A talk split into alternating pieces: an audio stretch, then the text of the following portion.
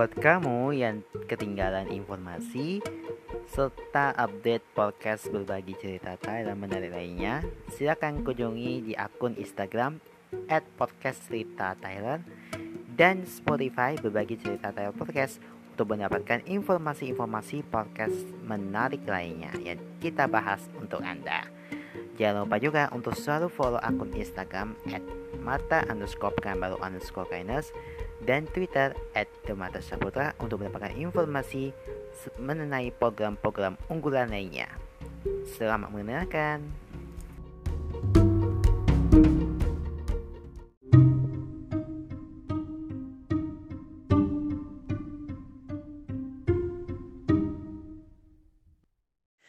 Hai sahabat Tyler, kita ketemu lagi di podcast berbagi cerita Tyler season 9 Ya sekarang sudah tayang di Spotify Kali ini bersama saya Manika Saputra dan temanku Tyler King.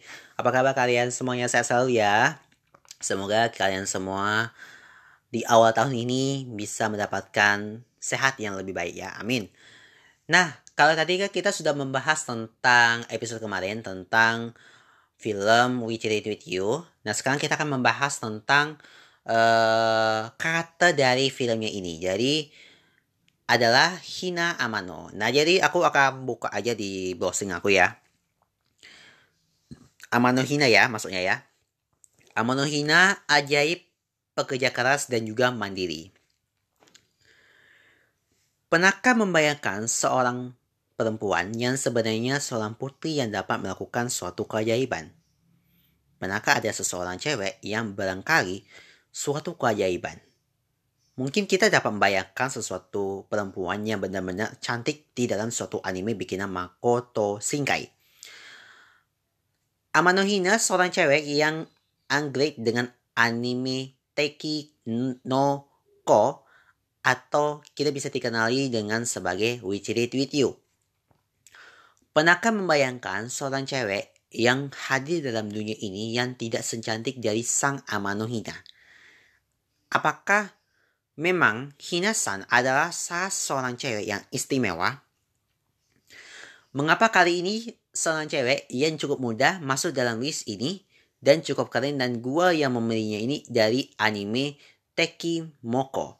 Apakah ia memang menyebabkan Misusa Miyazuru menjadi salah satu pesaing dalam dalam dunia waifu-nya ini dengan Hinasan? Kita bahas kelebihannya ya. Kelebihannya adalah ajaib bin ajaib. Kemampuan yang dimiliki sang Amano Hina sendiri adalah bagaimana menghentikan hujan. Hujan yang terjadi di Tokyo adalah hujan sepanjang waktu terjadi sepanjang waktu. Namun karena Sang Hina-san terpilih sebagai seorang pewaris tahta putri cara, maka ia harus menghentikan hujan hanya dengan kekuatan yang ia miliki. Setelah hujannya berhenti, semua kembali pada sedia kala. Yang berikutnya adalah seorang yang mandiri. Sebenarnya sih yang menarik adalah setelah kematian ibunya, dirinya adalah seorang yang hidup bersama adiknya di rumah yang telah tinggal ditinggal oleh kedua orang tuanya. Terindikasi bahwa dirinya ditinggal dan tidak punya ayah. Hidup di perkotaan besar yang sangat kejam, jelas kehidupan Sang Hina hanya tinggal di situ dengan kejam sekaligus dengan berat. Tetapi ternyata setelah ditinggal ibunya yang sangat lama, dirinya bisa hidup mandiri juga. Bahkan urusan rumah bisa dikerjakan dengan seorang diri. Yang ketiga, seorang pekerja keras. Dari mungkin dengan ditinggal ibunya sih dan harus membiayai kehidupannya, maka sang Amanohina harus bekerja di berbagai tempat. Bahkan pekerjaan yang mengharuskan berpikir sumbu pendek, tetapi yang pasti ketika bertemu dengan Berkenalan dengan Amanuhina, Nanda bekerja keras sangat kental dalam dalam Amanuhina. Berikutnya, pintar masak. Hidup seorang mandiri bersama adiknya Nagi jelas harus mau tidak mau harus belajar namanya memasak. Kalau tidak pintar memasak bukan cewek indaman doang kan? Bahkan Sahina sebagai cewek muda yang berusia belum legal ini, jelas kemampuannya sangat luar biasa. Terlebih lagi anak kotaan loh. Jangan-jangan anak kota pandai masak kuat dalam menghadapi realitas. Sebenarnya sih kalau kita melihat realitas kehidupan dari Amanohina maka banyak yang sakit-sakit yang harus ia terima. Mulai dari dirinya yang harus hidup sendiri bersama Nagi, orang tua yang meninggal karena gitulah ya. Yang berikutnya adalah Best Cuter Now in Shinkai Anime. Saya rasa kalau dibandingkan dengan Miyazumu dan beberapa tokoh hero anime lainnya dari Makoto Shinkai, jelas salah satu yang paling cute adalah sang Amanuhinya ini. Tidak ada yang memandinginya. Menandaninya ya maksudnya ya. Beneran. Bahkan mungkin kalau kita teman cosplayer yang yang cosplay ini, cosplayer ini kan, sungguhnya sebenarnya sih yang ia adalah yang paling imut. Bahkan cosplaynya dari teman gua, bahkan usianya sendiri udah sekitar 15 tahun loh. Wow. Berikutnya kita mulai dari kelemahan. Durasinya sangat pendek.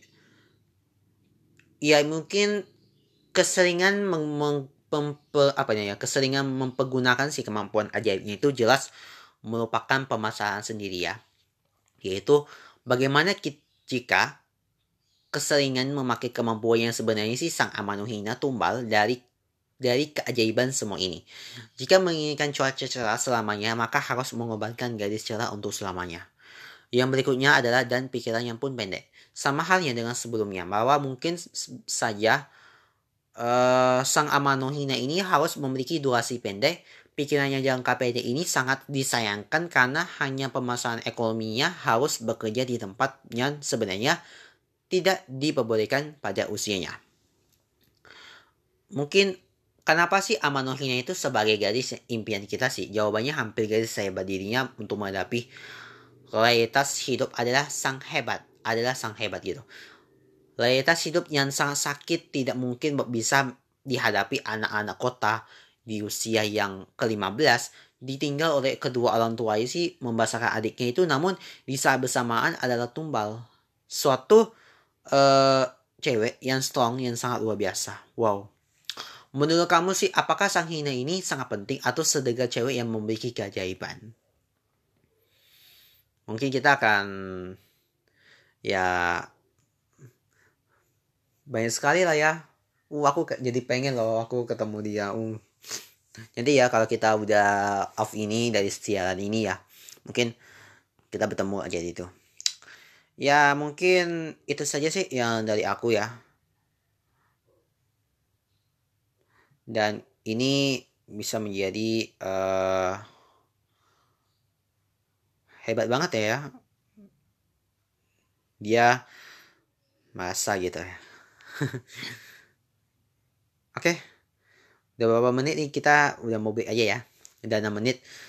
Oke okay, thank you ya banget ya udah dengerin kita. Nanti kalau ada waktu untuk ngetek ini kapan-kapan nanti kita akan bahas itu juga. Jangan lupa untuk selalu dengerin setiap hari Senin, Rabu, dan Jumat di Spotify ya. Sampai jumpa lagi di episode berikutnya. Halo semuanya. Wow ini udah kayaknya udah sembrina banget ya buat kita hari ini. Apa kabar kalian semuanya? Sehat selalu ya. Semoga di tahun 2023 semoga diberikan kesehatan terus, panjang umur, murah rezeki dan selalu diberikan lindungan dari Tuhan ya. Oke, amin. Sekarang kita bergabung lagi bersama kami ada saya dan juga Tyler di podcast berbagi cerita Tyler season 9. Gimana awal tahun ini mudah-mudahan lancar sekali ya walaupun hari ke berapa ya? Hari ke tujuh hmm, nah. Ya hari ke oh ya oh ya ya ya hari ke enam hari ke enam ya sorry. Hari ke enam kita udah bergabung lagi bersama kita guna memberikan sejumlah pengetahuan dan juga informasi buat kalian semua Walaupun bisa kalian dengerin podcast, namun juga akan ada update seru di postingan di Instagram dan juga Twitter. Setiap hari selalu memberikan berita yang paling update, fakta, aktual, dan juga terpercaya. Oke? Okay? Dan jangan lupa ya untuk selalu follow di akun Spotify, Twitter, dan juga Instagram untuk selalu mendapatkan update informasi yang terbaru dan juga menarik di dalamnya. Oke? Okay? Sekarang kita akan mau membahas salah satu film yang katanya sih ini masih sama lah ya sama Yonem atau Kimi no Nawa. Yakni judulnya adalah Winterin with You. Jadi kita akan membahas Winterin with You. Ini adalah film dari fantasi dan normal. Jadi, film ini menceritakan tentang seorang anak muda dari desa terpencil di Shikoku yang meninggalkan rumah dan memutuskan untuk tinggal di Tokyo. Dalam perjalanannya, ia bertemu dengan Kizuke, seorang pria aneh yang menawarkan bantuan kepadanya. Merasa aneh dengan orang tersebut, Hokoka itu memutuskan untuk mencoba untuk mencari peruntungan yang lain. Namun ia menghadapi kesulitan yang datang silih berganti dalam perjalanannya. Setelah beberapa kali tidur di jalanan, karena tidak ada yang lain, tidak ada orang lain yang bias dihubungi, Hodoka memutuskan untuk menghubungi Keizuke. Hodoka mendapatkan tawaran bekerja sebagai penulis majalah lokal milik Keizuke yang membalas supernatural dan hal-hal aneh. Selama di Tokyo, Hokora itu selalu diikuti oleh cuaca aneh di mana hujan turun tiada henti. Saat menulis sebuah cerita, ia mendengar kisah pengendalian cuaca. Ia berusaha untuk mencari kebenaran dari legenda urban di mana ada seorang gadis muda yang, yang membuat langit menjadi cerah kembali. Pencarian ini membuatnya bertemu dengan Hida Amanto, seorang gadis yang memiliki kekuatan luar biasa yang dapat mengendalikan cuaca. Ini dirilisnya dari 21 Agustus 2019 di Indonesia ya. Jadi sutradara itu adalah Makoto Shinkai. Pendapatannya ini adalah 100 93,4 juta US dollar sejak tahun 2021. Penghargaannya juga macam ada penghargaan Akademi Jepang untuk film animasi terbaik. Nah, kita akan mau membahas review dari film ini. Penasaran gak sih? Tapi sebelumnya kita akan bahas bahaskan dulu. Ini adalah film review dari buku buku yang dijadikan oleh film ya. Jadi aku kutip ya dari gramedia.com. Jadi jika membicarakan cuaca-cuaca akhir hari ini, mereka tentunya cuaca tidak sedang tidak stabil ya. Ada kalanya cuacanya sangat buruk, baik itu panas maupun hujan. Kalau di wilayah kamu saat ini, apakah cuacanya sedang panas atau hujan gitu? Nah, kadang, terkadang cuaca juga bisa berubah dengan sangat cepat. Ada saatnya ketika pagi datang, cuaca akan sangat panas dengan matahari yang bersinar dengan sangat terik. Namun, ada situasi di mana ketika hari sudah menjelang siang, cuaca akan berubah menjadi dingin dan hujan. Panas dan hujan sebenarnya sama-sama memiliki dampak positif dan negatifnya loh.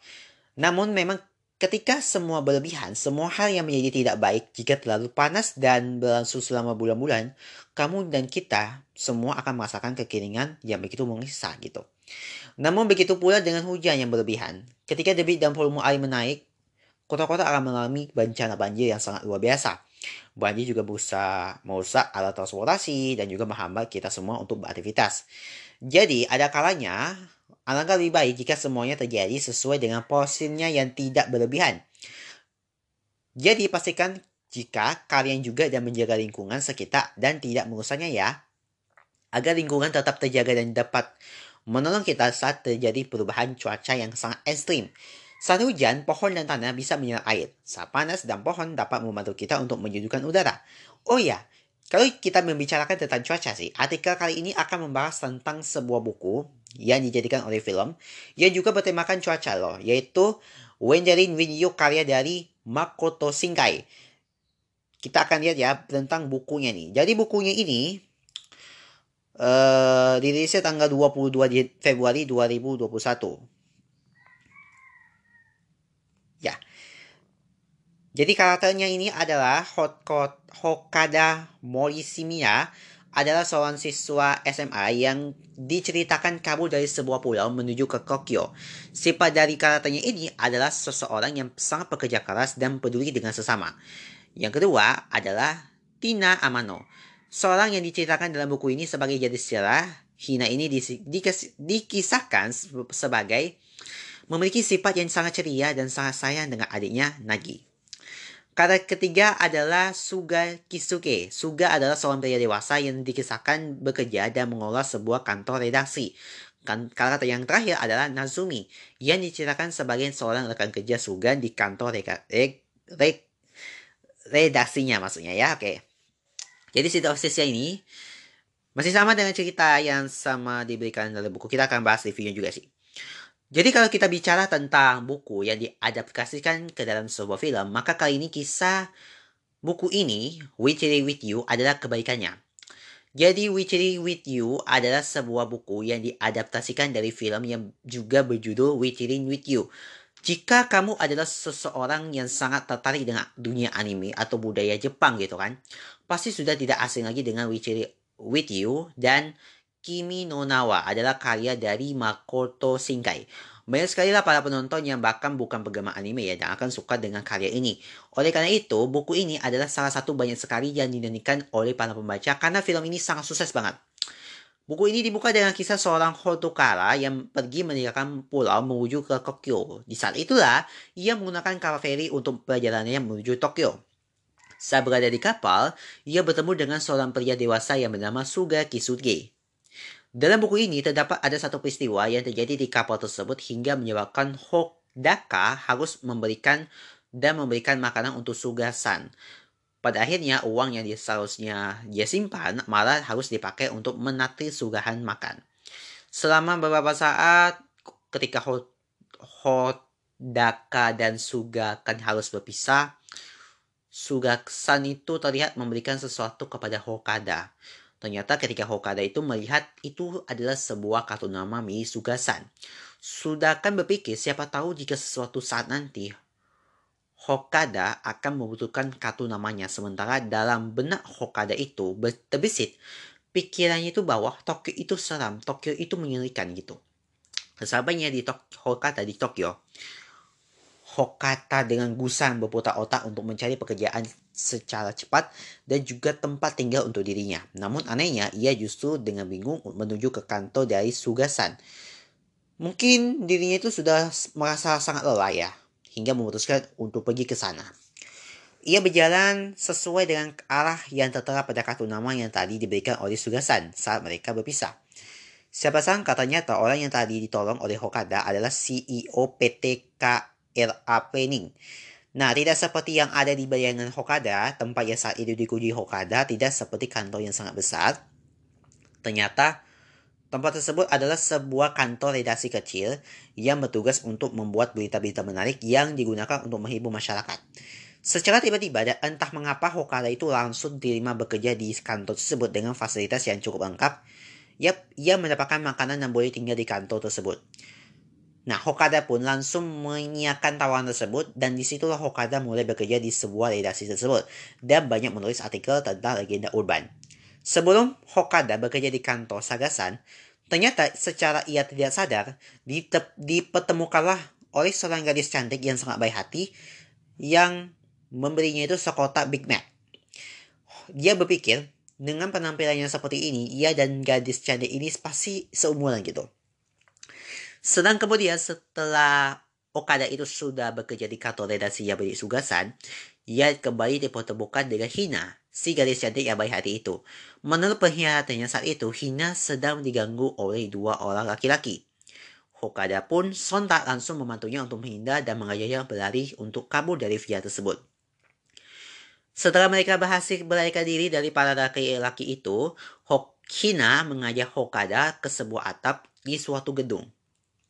Di saat itulah Hogara itu tersentak dan terkagum dengan kemampuan Hina. Gadis itu mengeluarkan sedikit cahaya dari tubuhnya, semakin lama cahaya itu semak, itu semakin terang. Kulit dan rambut dari Hina juga seakan dimanikan cahaya yang berkilau kemasan itu.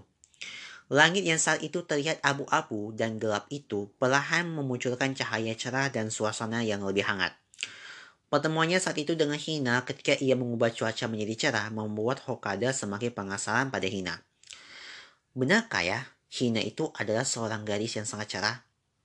Benarkah ada cerita urban seperti itu? Untuk memastikannya apa yang terlintas di pikirannya itu, Hokada itu kembali menemui Hina di tempat tinggalnya. Hal ini Hokada dilakukan untuk membuat kajian dalam artikel legenda urbannya tersebut. Nah, kala itu memang diceritakan bahwa Tokyo sedang dilanda cuaca yang sangat ekstrim.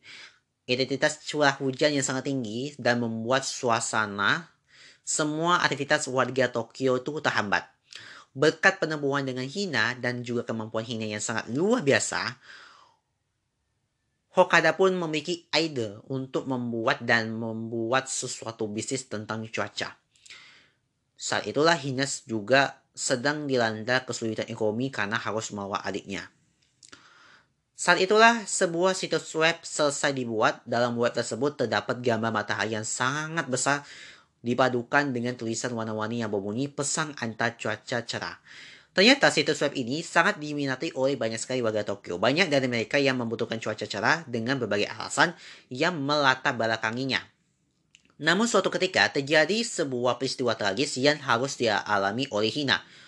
Ada sebuah bayaran atau semacam, semacam akibat ya, ya yang harus dihadapi oleh gadis cerah karena merubah cuaca dengan seenaknya. Namun kira-kira bagaimana sih kisah selanjutnya dari Hina dan Okada itu? Nah, kalau kalian kalian bisa aja di buku ya itu di gramedia.com ya, ya kalau ada sponsor yang masuk ya.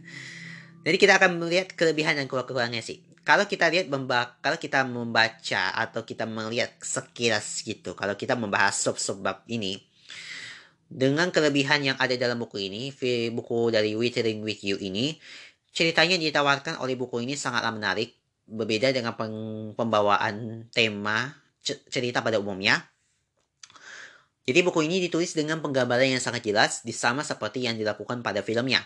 Semua latar suasana baik suasana lingkungan sekitar maupun suasana hati dari karakter tergambarkan dengan baik dan dapat tersampaikan. Selain itu, deskripsi suasana hati ada sedihnya, ada bahagianya, ada bidungnya, ada, ada yang lainnya.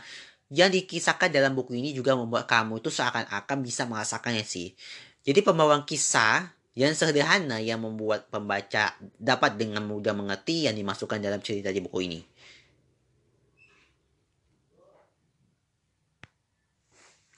Oke, sekarang kita lanjut ya.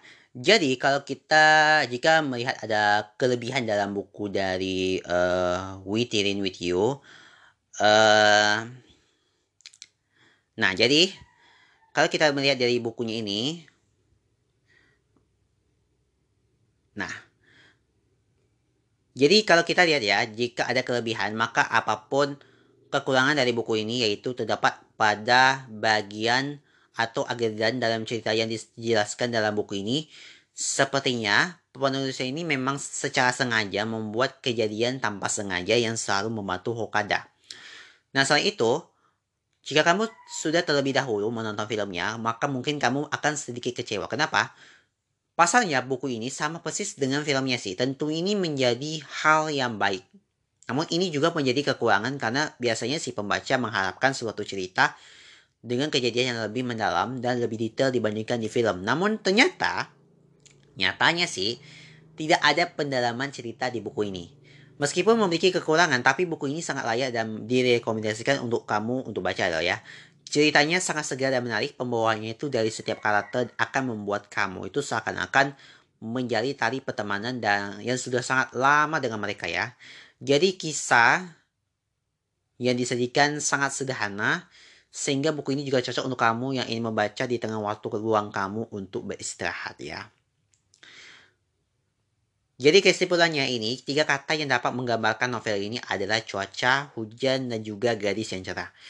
Jadi tema yang sangat sederhana ini dikemas dengan sangat baik dan menarik juga sih. Ternyata dengan ide yang sederhana, kalau kita jika dikemas dengan sangat maksimal, akan menghasilkan sebuah karya yang sangat luar biasa. Kamu sebagai pembaca atau sahabat saya semua pasti akan merasakan arus lika dan liku serta naik dan turunnya dari emosi karakter ya.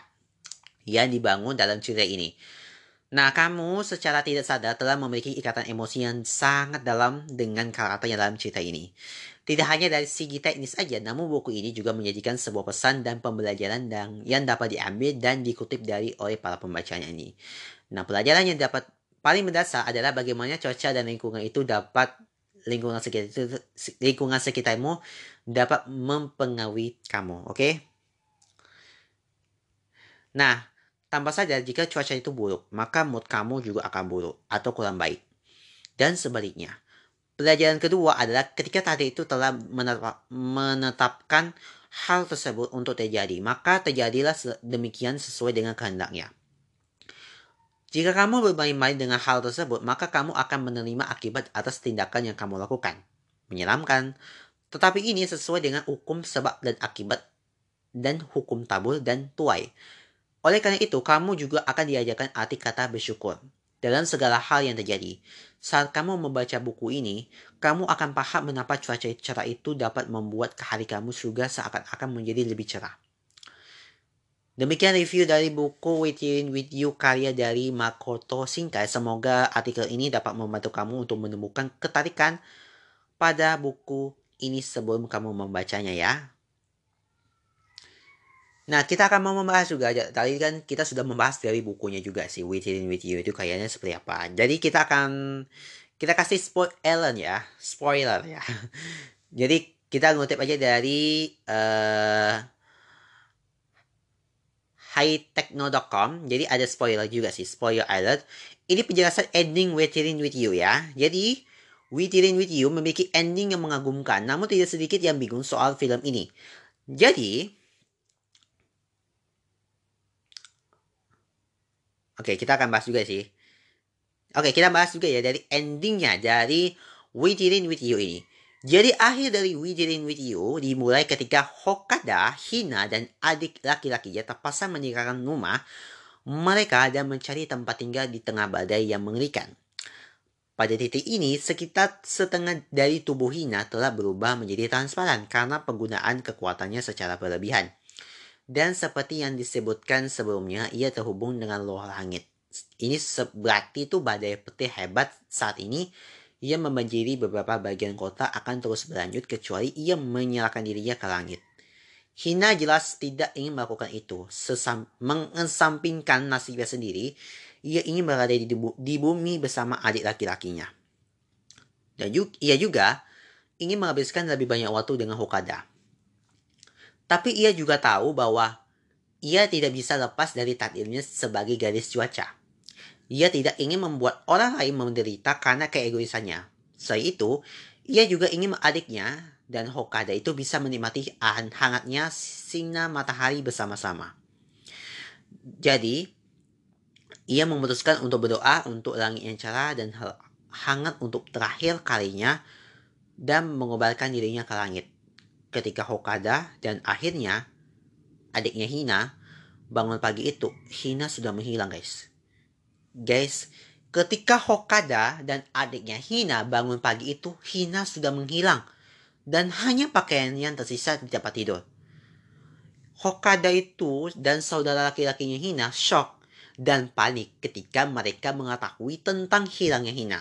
Jauh di lubuk hati mereka itu berdua tahu bahwa Hina ini mengorbankan dirinya untuk menghentikan hujan dan mengembalikan matahari. Tapi pertanyaan dalam diri aku yang mendalam adalah, apakah Hokada itu membuat keputusan yang tepat pada akhirnya? Jadi kalau kalian membacakan artikel ini, jadi belum siap menghadapi hidup tanpa Hina. Jadi dia belum siap menjalani hidup tanpa Hina. Jadi Hokada itu berjanji pada adiknya laki-laki Hina dan dirinya sendiri bahwa ia akan melakukan apa saja untuk membawa Hina kembali. Ini adalah bagian di mana cerita menjadi sedikit terpolarisasi ya, karena Hokada itu tahu bahwa membawa Hina kembali dari langit juga berarti hujan akan turun seperti akan hujan akan turun seperti kembali seperti sebelumnya. Jadi Apakah Hokada dan akan membiarkan ribuan orang yang tinggal di Tokyo menderita melalui hujan tanpa akhir hanya karena ia ingin menyelamatkan gadis yang paling ia cintai di dunia? Ternyata itulah yang ia lakukan. Hokada berhasil menyelamatkan Hina tetapi sepertinya yang diketahui hujan akan terus turun selama bertahun-tahun yang akan datang. Beberapa orang pasti akan merasa bahwa ih Hokada itu membuat pilihan sangat egois di sini ya Demi seorang gadis aja, ia telah menghancurkan kehidupan banyak orang lainnya. Tapi jika kita melihat dari sudut pandang Hokada, menyelamatkan Hina adalah satu-satunya pilihan. Hina adalah satu-satunya pilihan baginya. Lagi pula, kita tel telah melihat sepanjang filmnya bahwa dunia ini tidak benar-benar baik padanya gitu orang dewasa aja tidak peduli padanya. Mem memanfaatkan aja atau bahkan benar-benar melecehkannya. Jadi Hina itu adalah satu-satunya orang yang benar-benar baik dan peduli padanya. Bahkan tidak berlebihan bahkan tidak berlebihan untuk menyatakan bahwa Hina adalah satu-satunya alasan mengapa Hokada benar-benar dapat menikmati hidupnya. Jadi film ini mungkin berakhir dengan orang-orang Tokyo harus mengalami hujan tanpa henti di masa mendatang. Tetapi mengingat apa yang telah kita laku, ketahui tentang karakter, terutama si Hokada sejauh ini, itulah satu-satunya akhir yang tepat untuk cerita. Mungkin inilah penjelasan dari ending Witchery With You yang sem tidak semuanya penonton bisa memahami anime movie kayak Makoto Shinkai ini, oke? Okay? Sekian ya. Jadi penjelasannya sih dari penjelasan endingnya ini ketika uh, akhirnya ini uh, terpaksa meninggalkan rumah dan mencari tempat tinggal di tengah badai yang mengerikan. Dan setengah dari tubuhnya ini telah berubah menjadi transparan ketika penggunaan kekuatannya secara berlebihan dan dia terhubung dengan roh langit. Ini berarti badai peti hebat yang saat ini membanjiri beberapa bagian kota akan terus berlanjut kecuali ia menyalakan dirinya ke langit. Dan dia jelas tidak ingin melakukan itu, mengesampingkan hasil sendiri, ia berada di bumi bersama adik laki-lakinya. Ia juga ingin menghabiskan lebih banyak waktu dengan Hokada. Dan ketika uh, Hokada dan adiknya Hina bangun pagi itu, Hina sudah menghilang dan hanya pakaian yang tersisa di tempat itu. Dia panik, shock juga ketika mereka mengetahui tentang hilangnya Hinga. Jauh dari hati mereka berdua tahu bahwa Hinga mengubahkan dirinya untuk menghentikan hujan dan mengembalikannya matahari. Ya mungkin ini filmnya sedih juga sih kalau kalian menurut aku sih kalau kalian nonton filmnya sih shock banget, panik banget karena hilangnya gitu, hilangnya Hina mengubahkan dirinya ke langit gitu. Tapi semoga itulah yang bisa menjadi pelajaran dalam hidup kita sih. Oke, kalau kalian pengen tahu aja silahkan aja di bagian keduanya juga ada. Jadi kita akan bahas juga karakter dari Hina Amano ya. Jadi setelah kalian posting ini, kalian dengerin juga di episode-nya ya. Oke, sekian dulu ya episode kita kali ini dan sampai jumpa lagi di episode berikutnya ya. Bye-bye.